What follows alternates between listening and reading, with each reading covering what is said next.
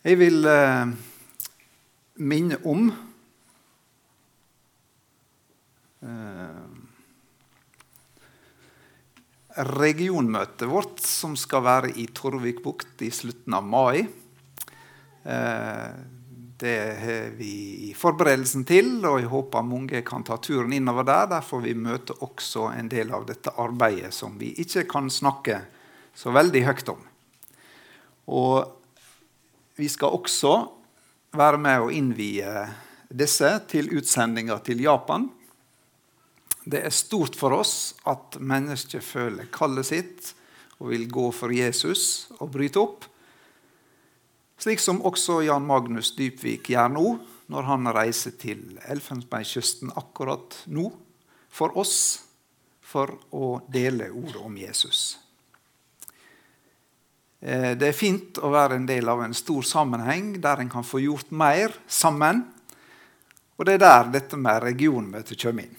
Håper mange kan merke av den dagen. Skal vi be. Herre Jesus, vi takker deg for eh, utsendinga. Vi ber deg velsigne Jan Magnus, som nå reiser. Og vi ber deg velsigne Karoline eh, og Marius og vi ber for det arbeidet som vi så på filmen, det som er lite åpen informasjon om. Vi ber for utsendingene fra regionen vår, som også er involvert i slikt arbeid. Vi ber om Den hellige ånd, Herre, over ordet ditt og over samlinga for små og store her i dag. I ditt navn ber vi. Amen. Det er 1. mai. Og tekster som er satt opp i eh, tekstrekken i Den norske kirke, de har henta opp i seg noe av 1. mai, som ikke alltid er en søndag. Og Det er der tekstene våre er henta ifra, og overskrifta 'Ikke for å la seg tjene'. I teksten finner vi noen ord som har vært med i det som 1. mai historisk har kjempa fram. Retter og likhet i arbeidslivet. Eh, og vi finner uttrykk som slave og undertrykking i dagens tekst. Selv om vi kunne stoppe opp for dette, så har jeg lagt vekt på å søke den meninga som teksta gir, der hun står i sin sammenheng. Slik vi alltid bør lese Guds ord. For da finner vi den meninga som Gud vil nå oss med. Eh, tjener og tjeneste det er jo ikke et ord som blir brukt i samfunnslivet i dag noe særlig. Det er andre ord vi bruker på sånt. Ehm, det er Det eneste noen kan ha assosiasjoner om, er om eh, du gjør meg en tjeneste, og så gjør jeg deg en tjeneste. Da havner vi over i svart arbeid eller slikt. Jeg spurte ei hva hun forbandt med det. Ja, da var det au pair, sa hun. Det var jo eh, omtrent sånn. Ehm, men i kristen forkynnelse bruker vi tjeneste veldig mye. Og det har med at Bibelen og Guds ord har, kommer fra ei tid da dette var arbeidslivet. Eh, og delvis fordi at Gud han vil bruke oss på en annen måte enn en arbeidsgiver vil. Og For å få det i sammenheng så vil jeg lese fra vers 20 i Matteus kapittel 20. Da kom mor til Sebedeus-sønnen til han med sønnene sine og falt på kne for å be han om noe. Hva er det du vil? spør han. Hun svarer, lov meg at disse to sønnene mine skal få sitte ved sida av deg i riket ditt, den ene på høyre og den andre på den venstre sida. De veit ikke hva de ber om, sa Jesus. Kan de drikke det begeret jeg skal drikke? Det kan vi, svarer de. Da sa han dem, mitt beger skal de drikke, men hvem som skal sitte på mi høyre og venstre side, er ikke mi sak å avgjøre. Der skal de sitte som far min har gjort i stand for. Da de ti andre hørte dette, ble de sinte på de to brødrene. Eh, men Jesus kaller dem til seg og sa, de veit at fyrstene over folka undertrykker dem, og stormennene deres styrer med hard hand. Men slik skal det ikke være blant dykk. Den som vil bli stor mellom dykk, skal være tjeneren dykkar, og den som vil være den første av dykk, skal være slaven dykkar. Menneskesonen er heller ikke kommet for å la seg tjene, men for sjøl å tjene og gi livet sitt til løsepenger for mange. Amen. Sammenhengen er at Jesus er på vei til Jerusalem sammen med læresveinene. Han gjør under, han underviser om Guds rike og utruster sine til et liv etter at han er fysisk borte fra dem. De ser under, de ser at Jesus er mektig, de forstår og tror han er Guds sønn. Det er noe stort på gang. Guds rike er kommet nær. Like før så snakka Jesus her om at Gud, å være rik kan være som et hinder for å komme inn i Guds rike.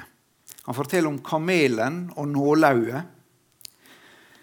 Og Da spør Peter i eh, kapittelet før her hva da med oss, vi som har forlatt alt og for å følge det? Hva er det i ditt rike for oss?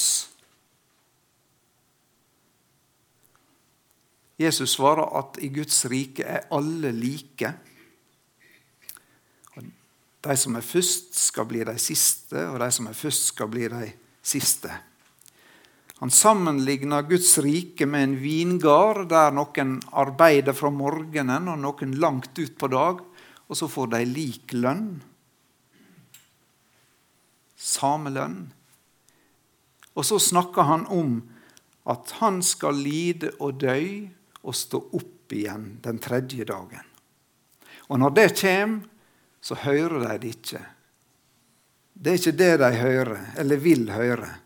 Og så kommer mor til Jakob og Johannes med sønnene sine og ber om de beste plassene. Sentrum i makta i Guds rike. Og Det er jo ikke første gang at læresveinene rivaliserer og prøver å posisjonere seg. De har diskutert hvem som er størst av dem, og da er ikke det centimeter vi snakker om. Og Jesus sier at den som vil være den største, må være den siste. Og Så tar han fram et lite barn for å vise dem hva som er stort i Guds rike. Jeg vil prøve å si noe om Jesus i tjeneste ikke for å la seg tjene. Her er et av de fineste og mest meningsbærende versa som tolker Jesus for oss. Og så vil jeg si noe om eh, drivkrafta i verden og drivkrafta i Guds rike, som er to vidt forskjellige ting. Og Budskapet Jesus deler i disse versene med læresvennene, er så utfordrende på, til oss på alle plan. I vårt ekteskap, i vår familie, i vår forsamling og kristne fellesskap og i samfunnet. Først Vi har et sentralt vers som forteller hvor vi skal forstå Jesus og hans liv, så definerer kristendommen sin kjerne. Og det er nok til en lang tale alene. Dette verset. Det har i seg hva som skal til både for å bli et Guds barn og for å leve som en kristen, og i kristen tjeneste. Ja, det har livet i seg, dette verset det åndelige livet. Det gir evig liv, det som står der. Kristendom er så mangt. Vi satt en hel dag og jobba med HMS og fikk lagt fram masse ting som skulle gjøres sånn. Og Det var en som lette fram et ord i Jesaja 10,1.: Ved de som gir urettferdige lover og sender ut fordervelige skriv. Um, Bibelen kan brukes til så mangt. Det var spøk. Eh, men Bibelen er gitt til ei åpenbaring med ei hensikt. Å gi deg og meg evig liv, som er syndere, og som er underlagt døden og det vonde. Eh, alt fellesskap med Gud hviler på Jesus i tjeneste til oss. Han som kom for å tjene og gi livet sitt til løsepenge for mange. Soning av det vonde i våre liv, våre misgjerninger og våre feil, som gjorde at der er en forsona Gud. Jesus med si tjeneste gjenoppretta relasjoner mellom meg og Gud, mellom deg og Gud, og føde oss på nytt til åndelig liv, til et liv med en helt annen retning, i et annet landskap enn det var før.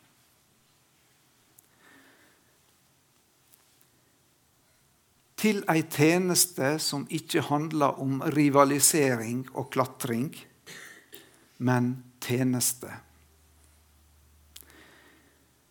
Det er oppsummert i Bibelen mange andre plasser. Det står om Bibelen at den er gitt for å gjøre oss vis til frelse og utruste oss til all god gjerning. Og vi har det i Johannes 3, 16, den vesle Bibel. Hva er sentrum? Ja, det er Jesus i tjeneste, han som ga seg sjøl for oss. Og Derfor vil jeg si til meg sjøl og til deg i formiddag vil du være en kristen? Vil du leve med Gud i en relasjon til Han? Vil du ha et åndelig liv som ender i Guds evige rike? Da må Jesus fortjene det. Eh, å tru, det er å slippe Jesus til i livet sitt og la Han få ordne opp i det vonde du kjenner på. Ordne opp i mine svik og nederlag, som jeg speiler så ofte når jeg hører forkynnelse og leser Guds ord. Og kjenner at jeg er så langt borte fra der jeg skulle være. Det er så stor avstand til Gud. Men da sier Bibelen gå til Jesus og la Han fortjene tjene det. Han fjerner dette bort fra din person. Og du kan møte Gud som en venn som du har relasjon til. som du kan komme med åpne øyne og et frimodig blikk i Jesu navn inn i hans nærhet. Skuldbrevet er sletta ut, står det i Kolosserbrevet. Han tok det bort fra oss da han nagla det til korset. I NLM ønsker vi å utfordre til kristent liv. Vi har så mye vi ville ha gjort. Det er så mange som ikke kjenner Jesus, som vi hører i filmen. Det er deler i verden som ikke har anledning. Her i Ålesund er det så mange unge som skulle høre om Jesus. Her i forsamlinga er det masse tjenester. Og Vi ønsker å være tydelige på kallet, at Jesus har kalla oss til å leve annerledes. Han ber oss bruke oss sjøl for riket, for andre. Uh. Sånn kjenner du det av og til. Det er så masse som skal gjøres. Den åndelige temperaturen blir målt i aktivitet. Da har vi mist fotfestet og hva kristendom er for noe. Kristent liv det starter ved at Jesus fortjener det. Og det holder fram ved at Jesus fortjener det. Kommer vi bort fra det, er vi ille ute. Hvis kristendom blir et opplegg, ei oppskrift, da er vi kommet på ville veier. Derfor hadde jeg lyst til å si det i dag. La Jesus fortjene det, du som kjenner det mislykka. Som kjenner det er ting i livet ditt som står i veien mellom deg og Gud. Jesus vil tjene det.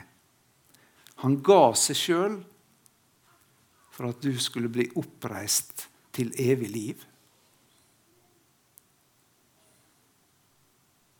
Han innbyr oss til det i dag.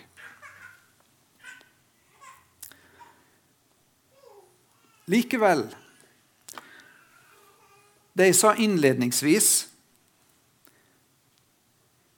viser at dette som blir sagt om Jesus i denne teksten, dette fine verset, er bare et eksempel på den kjærleiken som rår i Guds rike, i motsetning til i verden. Teksta handler egentlig ikke om Jesus i sammenhengen, men bruker hans tjeneste for oss som et eksempel, som en motsetning til det læresveinene holder på med. Denne posisjoneringa, eller i motsetning til fyrstene i verden, som konkurrerer om posisjon og makt Jesus er rollemodell for noe annet i denne teksten. Ehm, fyrstene bruker noe annet. En assosiasjon for meg var monolitten i dette her. Det som rår i verden. Eh, noen kan sette monolitten inn i utviklingslæra eh, sitt mantra om at det er den sterkeste sin rett å klatre på andre for å nyte å ha en bedre plass enn andre.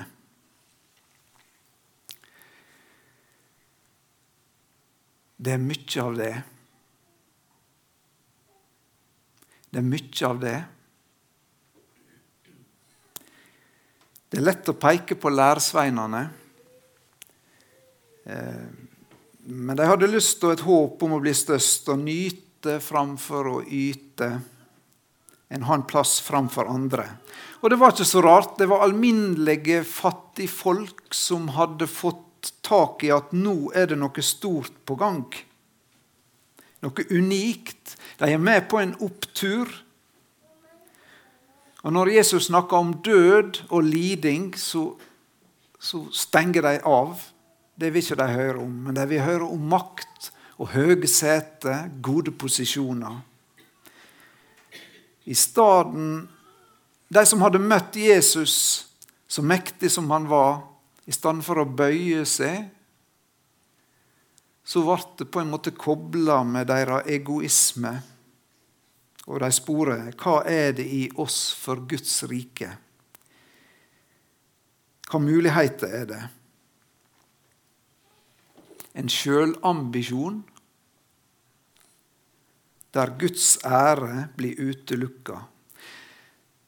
Det er noen holdninger som ligger bak det CBD-sønnene og mor deres gjør når de gjør et framstøt.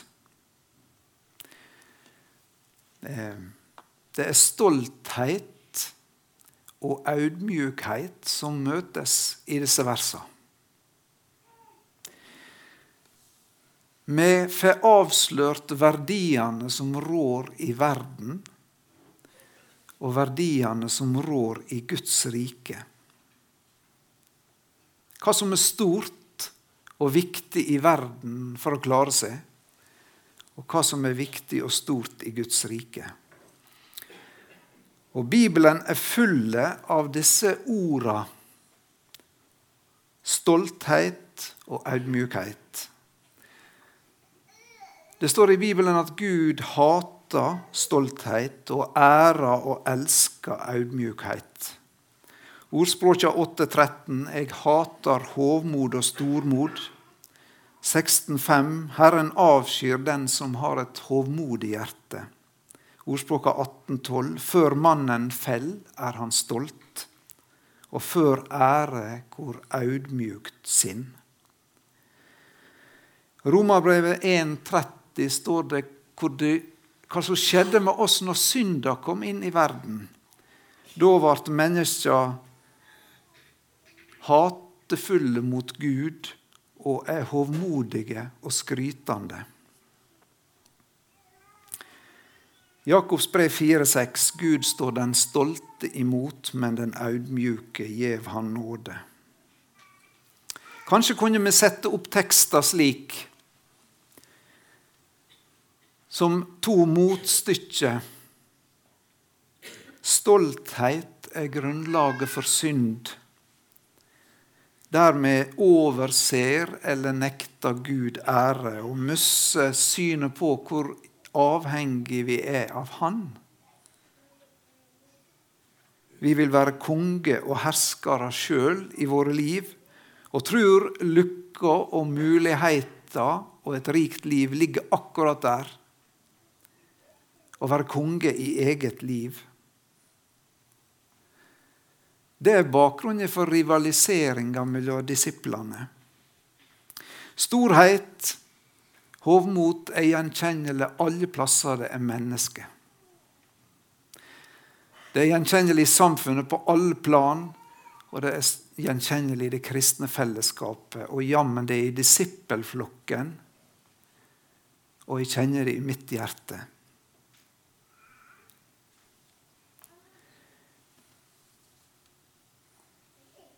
Men slik skal det ikke være blant dykk, sa Jesus.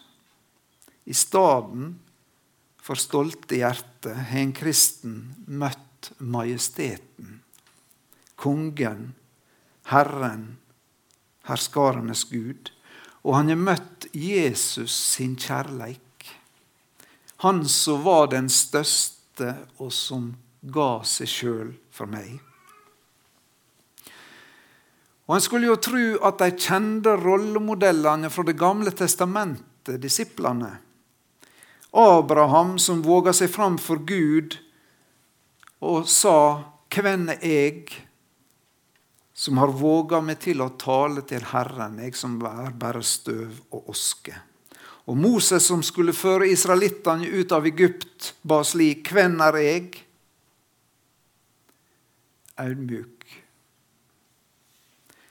David, den største kongen i Israels i Gamle testamentet, han er audmjuk når han tilber Gud, slik i første krønikebok.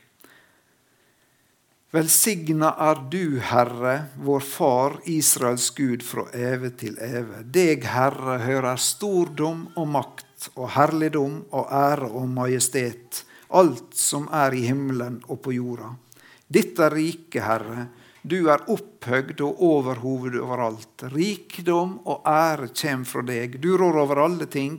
I di hand er kraft og styrke. Det står i di makt å gjøre alt stort og sterkt. Og nå, vår Gud, takker vi deg og lovsyng ditt herlige navn. For hvem er jeg? Hvem er jeg? Og hvem er folket mitt? Hva er vi? Skulle vi være i stand til å gi slike frivillige gaver? Nei, alt kjem fra deg. Det vi gjev, kjem fra di hand. Det er grunn til å være audmjuk. Han som har alt i si hand, og som vi er så avhengige av. Han er verdig all ære. Han er verdig vår lovsang og takk og pris. Han fortjener det. Alle som har vært i Guds nærhet, kjenner på noe av denne audmjukheten. Hvem er jeg? Uten Gud ingenting. Um.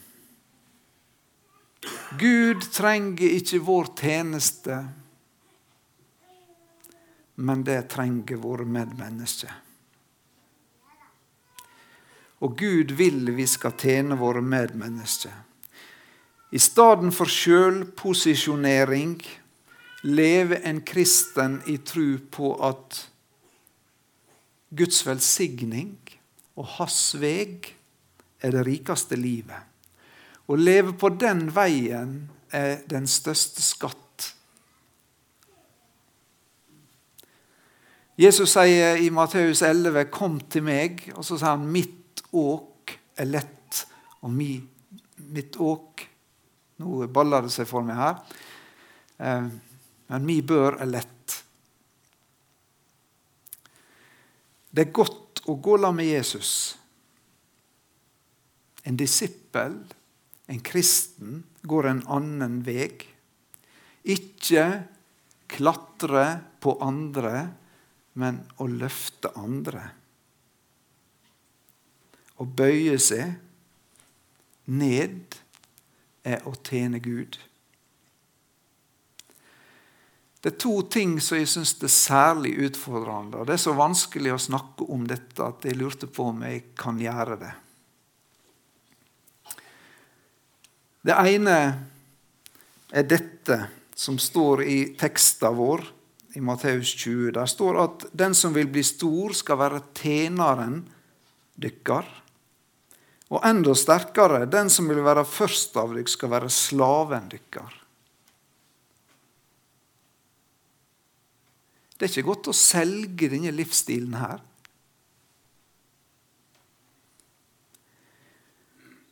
En slave hører ikke til seg sjøl, men Herren sin. Og Jesus sier 'andre sin slave'.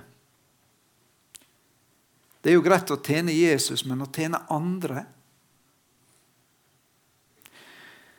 Og Så står det i Filipperbrevet noe av samme budskapet i andre kapittelet. Der står det om å sette andre høyere enn seg sjøl.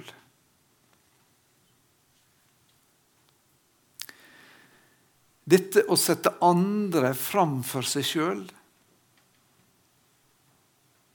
Slave.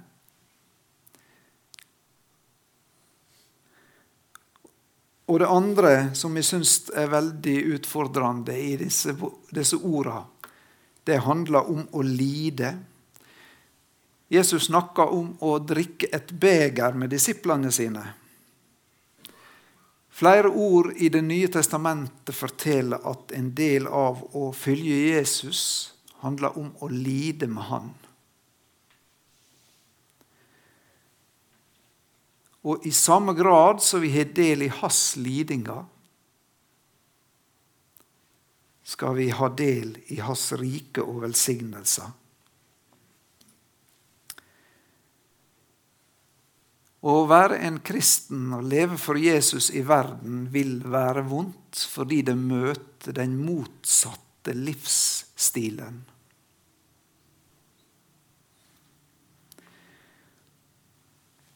Det utfordrer meg veldig. Og det er ikke det at jeg ikke forstår hva dette kan bety i ekteskapet mitt, i familien min, i bygda mi i det kristne fellesskapet mitt. Det er ikke vanskelig å forstå hva det vil si å tjene andre. Men problemet er den falne egoisten i meg. Jeg kjenner det som umulig å ta det på alvor. For det er jo faktisk noe som må dø her.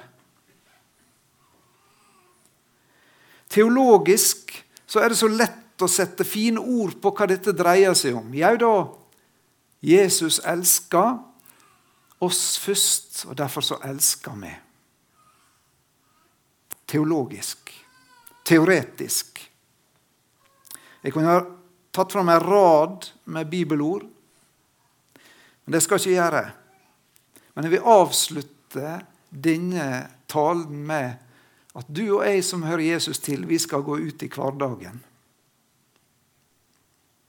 Og livet er konkret.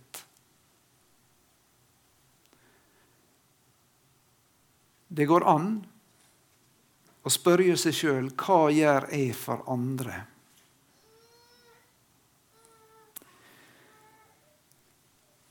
Jeg tenker på ei dame som jeg kjenner en plass, som er gift med en ikke-kristen mann. Hun er ei en enorm ære for Gud med det livet hun lever. Ingen posisjon. Men Jesus lyser ifra hennes liv.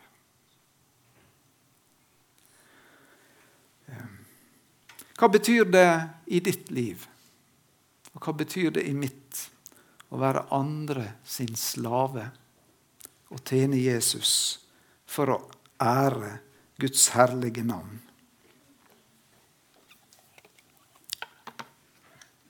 Amen.